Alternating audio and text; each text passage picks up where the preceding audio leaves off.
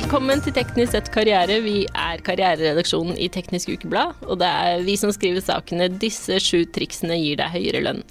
Jeg er Kjersti og sitter her sammen med min gullkollega Tuva. Hei, hei. Og vi skal snakke med vår gullgjest om mangfold og likestilling i arbeidslivet. Tuva, i dag ble vi kalt for Podkastjentene. Hva syns du om det? Du da følte jeg meg litt liten et lite sekund, men så måtte jeg bare le inni meg. Eh, hva følte du? Jeg tenkte at nå må jeg enten smile og late som det er greit, eller så må jeg være sånn sur heks som sier fra. Og så var jeg sur heks, og det føltes litt bra. Ja, det føltes veldig bra for meg, og jeg ble glad. Fikk lyst til å applaudere. Og det satte meg rett i stemning for uh, dagens tema.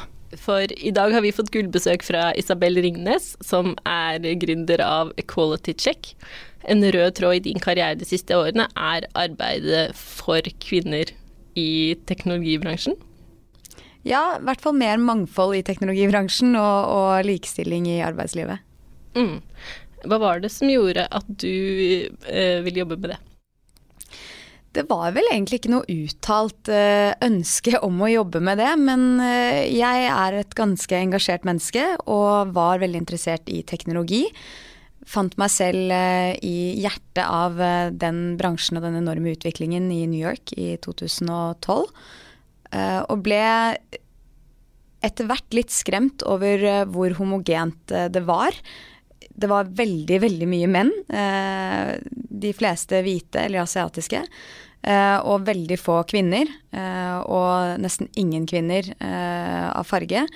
Så det skremte meg, fordi jeg forsto jo alt det enorme som teknologi er i ferd med å forandre på individnivå og på samfunnsnivå, og at ikke hele menneskeheten på en måte er representert i det som, som, settes ut i markedet, og det som skal påvirke våre liv det syns jeg var bekymringsverdig. Så lang historie kort førte det til at jeg da startet eh, også det som heter Tenk, som er et teknologinettverk for kvinner, som egentlig jobber målrettet mot unge jenter for å få dem interessert i teknologi.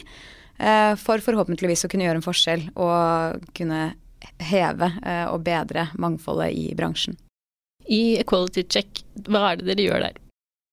Eh, I Quality Check så bruker vi både strukturell og kulturell data for å identifisere ulike problemområder i virksomheter.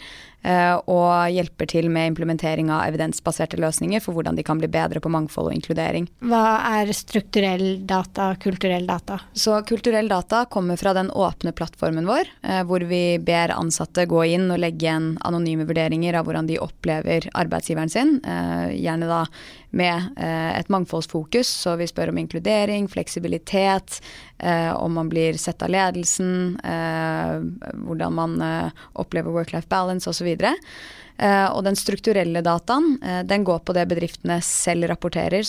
Ja. Så mangfold og likestilling er ikke lenger bare noe som vi liker å bruke begrepet corporate bullshit som står i strategiene til selskapene, men nå må de bevise og dessverre så er det jo veldig ofte det du kaller for corporate bullshit. Eh, og det er jo det vi på en måte vil kunne avdekke. Eh, eller egentlig snarere motivere bedrifter til å ikke eh, falle i den veldig fristende kategorien eh, av å skewashe, greenwashe, hva det nå er enn eh, det er de skal vaske, eh, men faktisk gjennomføre strategiene sine eh, og eh, implementere de på et nivå som er mulig å følge opp på, og som er mulig å faktisk se resultater av over tid. Hvorfor trenger vi mangfold for å drive den teknologiske utviklingen videre? Det er todelt. Det første er at det er eh, den riktige tingen å gjøre. Vi vil jo eh, fra et eh, ideologisk perspektiv at alle skal være representert, og at man skal bygge et inkluderende og likestilt samfunn som gagner alle. Det andre er at det er det smarte å gjøre. Fra et forretningsståsted så er det lønnsomt å ha mangfold fordi at produktene rett og slett treffer bedre.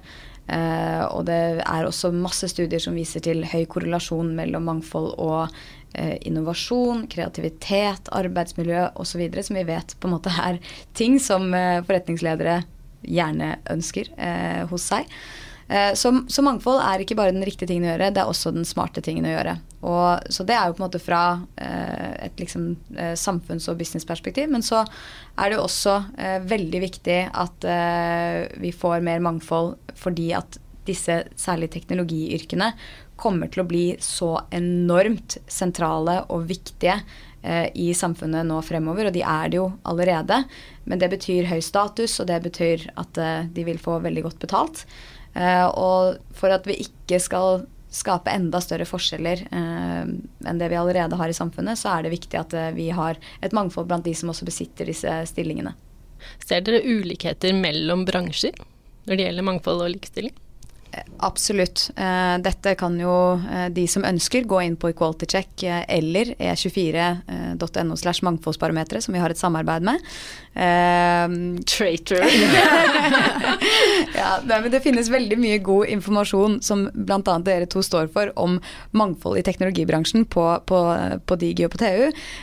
Så det vil jeg definitivt anbefale å, å gå inn og lese hvis man skal internt, eller den bransjen spesifikt. Men sånn, hvis man skal sammenligne alle de ulike bransjene, eh, så, så, kan man se forskjellene der. Eh, vi ser typisk at eh, det er ikke spesielt, i hvert fall tallmessig, likestilt i finans, i helsesektoren, hvor det er veldig kvinnedominert, eller i teknologibransjen, som dere representerer. men nå har det jo vært en har det vært for få kvinner å rekruttere fra eh, over lang tid. Men eh, at man har vært såpass tydelig fra dagen at man skjønner at hvis man skal skape globale produkter som påvirker alles liv, så bør man eh, så, i så stor grad som mulig i hvert fall forsøke å ha med de perspektivene som faktisk representerer befolkningen som skal bruke produktene dine. Mm. Eh, du er jo selv i tech-bransjen. Hvordan opplever du å, å bli møtt som kvinne? Eh, jeg syns at det har vært en eh, veldig fin utvikling. Eh, jeg opplever stort sett at det er veldig hyggelig og inkluderende, og at man blir satt pris på. Samtidig så er man jo i mindretall, og det er jo ofte at man blir stilt spørsmål ved eh, i forhold til eh, kunnskapen sin eller eh, posisjonen sin, eller det er alle mulige ting, og det er helt, eh, helt naturlig. Eh, men også irriterende, fordi jeg vet ikke om det samme hadde skjedd hvis jeg var en, en mann. dette er jo det med ubevisst diskriminering. Du vet aldri helt om det er det som skjer, eller om det er andre ting. jeg har jo opplevd mange ulike litt spesielle episoder. Mange av den som dere begynte med i forhold til at dere var eh, podkastjentene eller noe sånt noe. Eh, hørt det. Hørt Søta, Bertha, eh, Snuppe Altså veldig mange ulike eh, eh titler, kan du kalle det, eh, opp gjennom tidene. Eh, men jeg tror jo det beste er å, å gjøre folk oppmerksomme på det, litt sånn som du gjorde, Kjersti. selv om det virker litt kleint å gjøre det der og da, så så tror jeg faktisk det utgjør en, en, forskjell på sikt. Og så forhåpentligvis så er det ingen eh, andre kvinner som kommer bak en i rekken som, eh, som må stå i det samme. Merker du nå at vi har teknologi som favoriserer hvite menn? Om jeg merker det, eh, er jo egentlig et interessant spørsmål. Fordi det er jo veldig mye av den teknologien som vi ikke helt skjønner hvordan er utviklet. Eh, særlig den usynlige delen av eh, teknologien som går på algoritmer, og som går på det som alle liker å si AI. Som, som er utviklet av corporate black boxes. Det er ikke nødvendigvis sikkert at de som utvikler det selv engang, skjønner hvordan de ulike algoritmene har kommet frem til de svarene de har. Så å si eh, rett ut at jeg vet ikke. Eh, nei, å si rett ut at jeg opplever at eh, den teknologien favoriserer en hvit mann, det er eh, vanskelig for meg å avgjøre, fordi jeg er ikke en hvit mann, så jeg opplever ikke produktene fra det perspektivet. Det sagt, eh, så er det jo f.eks. Eh, en undersøkelse som viste at Google viste jobbannonser til menn eh, seks ganger så ofte. Eh, da fikk de se høyt betalte stillinger sammenlignet med kvinner. Eh, hvis du søker på veldig mange prestisjefulle yrker på Google, så pleide det i hvert fall bare å komme opp hvite menn. Eh, nå har de jo blitt oppmerksomme på denne typen bias i uh, algoritmene som da bestemmer hvilke bilder vi skal se. Så de har jevnet ut veldig mange av disse tingene. Hvis jeg kan bruke ett eksempel til, så, eh, så, er det jo um, så er det jo slik at uh, veldig mange av de uh, bildegjenkjennelsesalgoritmene som vi bruker, de er basert på datasett, åpenbart. og disse datasettene Et MIT-studie viste at en av disse datasettene som er mest brukt, består av 75% menn, 80% hvite mennesker. Og at sannsynligheten for at de kan kjenne igjen en hvit mann, er 99% mens en mørk kvinne er det kun 65 jeg var i et intervju eh, med en journalist eh, som, eh, som, var mørkhudet, og forklarte vedkommende dette. og hun sa da at det var veldig interessant for henne å lære, fordi hun hadde vært frem og tilbake til Apple-butikken flere ganger fordi ansiktsgjenkjennelsesteknologien på telefonen hennes ikke lot henne åpne telefonen veldig, veldig ofte. Og hun skjønte ikke hvorfor. Var det noe gærent med teknologien? Eh, så er ikke det noe som hun ville vært klar over, fordi at eh, hun ser ikke hvordan disse algoritmene virker på bakgrunnen, eller i bakgrunnen. Og en hvit mann ville heller ikke skjønt at det var et problem, fordi han ville heller ikke hatt noe problem med å åpne telefonen med, med ansiktet sitt. Så det er en hel masse sånne typer strukturer som vi som enkeltpersoner uten perspektivet til alle andre ikke helt forstår hvordan skjer. Og det er nettopp derfor de som faktisk utvikler det, og de som har ansvaret for det, må ha et bredere representasjon av perspektiver, sånn at produktene ikke diskriminerer. I forkant av den podkasten så snakket jeg med en som driver med rekruttering, som fortalte det at hun ser ofte det eh, at eh, kvinner eh, har en tendens til å snakke seg ned når det gjelder å ha kvalifikasjoner rundt teknologiske verktøy som kreves i den jobben du Eh, du søker, da. Er du enig i det? Anekdotisk så er det nok fristende å si at ja, det finnes mange kvinner som, som skyter seg selv ned, eller som ikke har eh, god nok selvtillit innenfor visse områder, men det gjelder på ingen måte alle kvinner. Jeg har masse kvinner i mitt liv som har god tro på sine egne ferdigheter og vet hva de kan. Eh, og jeg vil jo heller oppfordre eh, både kvinner til å ha eh, liksom god selvtillit og selvfølelse på, på, det de kan og det de har å bidra med. Og så tror jeg også at det er noen menn som kan dra nytte av å være mer nysgjerrig og åpne for, for nye perspektiver. Og jeg tror ikke man alltid skal tenke på seg selv som, som en ekspert. Det var et veldig pedagogisk og fint svar. Hvis jeg var tech-gründer og skulle lage en teknologi som favnet alle minoriteter, alle grupper, drømmescenario. Men hvordan skal jeg få til det? For vi har jo blinde flekker. Vi ser ikke at vi diskriminerer alltid. Og mener du ikke. Altså, jeg Jeg har jo bare mine perspektiver. Så hvordan, hvordan skal vi egentlig klare å det du kan gjøre, er å sette sammen fokusgrupper, invitere mennesker som du vet er ulike deg selv. Eh, forsøke å invitere så mange som mulig med så mange ulike perspektiv som mulig. Og så virkelig lytte. Eh, hva er det de sier, hva er det jeg ikke ser?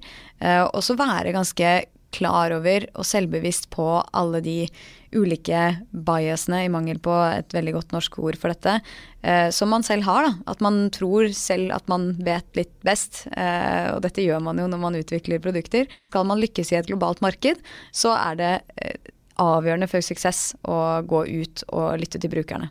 Hvilke blinde flekker hos deg selv har du avdekket?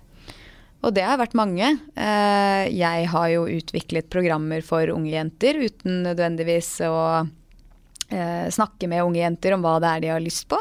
Eh, det lærte jeg jo veldig fort at man må gjøre, hvis ikke så følger de ikke med. Man går jo i disse fellene selv, og takk Gud for det, for da blir man jo bedre. Har du tre råd til hvordan lykkes med mangfold på en arbeidsplass? Absolutt. Det ene er at det må være et mål som er prioritert av toppledelsen. Det er de som har mulighetene og ressursene til å kunne prioritere det og fokusere på det i bedriften. Gjerne på en måte som inspirerer også nedover. Uh, og det andre er at du må uh, måle over tid. Altså du må sette uh, KPI-er, og du må ha en status quo. Og du må bruke data, sånn at du vet hvor du faktisk er på vei, og hvor problemene ligger. Og det tredje er at du må ha en helhetlig tilnærming. Veldig mange innfører jo tiltak over en lav sko. Og ikke er det slik at disse tiltakene nødvendigvis eh, treffer eh, på de problemene de er. Fordi vi, vi, iverksetter jo veldig ofte tiltak basert på eh, myter. Eh, et helt konkret eksempel er at man sier at eh, kvinner ikke vil bli ledere, så man setter kvinner på lederkurs. Eh, men det er jo ikke nødvendigvis slik at eh, kvinner ikke vil bli ledere. Det kan være strukturer i virksomheten eller arbeidstider som gjør at det er veldig få kvinner som kommer seg opp eller ønsker å bli ledere. Men de unge jentene som du møter, de fjerdeklassingene som du møter en gang i året, når jeg har sett deg i sånn knall rosa T-skjorte, så står du foran en haug med jenter. Hva slags råd vil du gi til dem som er neste generasjon? Akkurat de samme rådene. Tell hvor mange gutter og jenter det er i klassen. Ja, ja. Nei, da tror jeg de hadde zoomet ut rimelig raskt. Eh, de rådene jeg gir til dem, er jo som regel litt mer lettbeint. Tro på deg selv. Eh, ta plass. Og bli den du vil være. Eh, ikke vær redd for å være annerledes. Prøv og lær, og ikke vær redd for å gjøre feil. Og så er det jo bare å bygge den selvfølelsen gjennom helst mestring. Så utfordre dem. Ja, det syns jeg var veldig fine råd til alle. Eh, tusen takk for at du var med oss, Isabel Ringnes. Veldig hyggelig å få være her.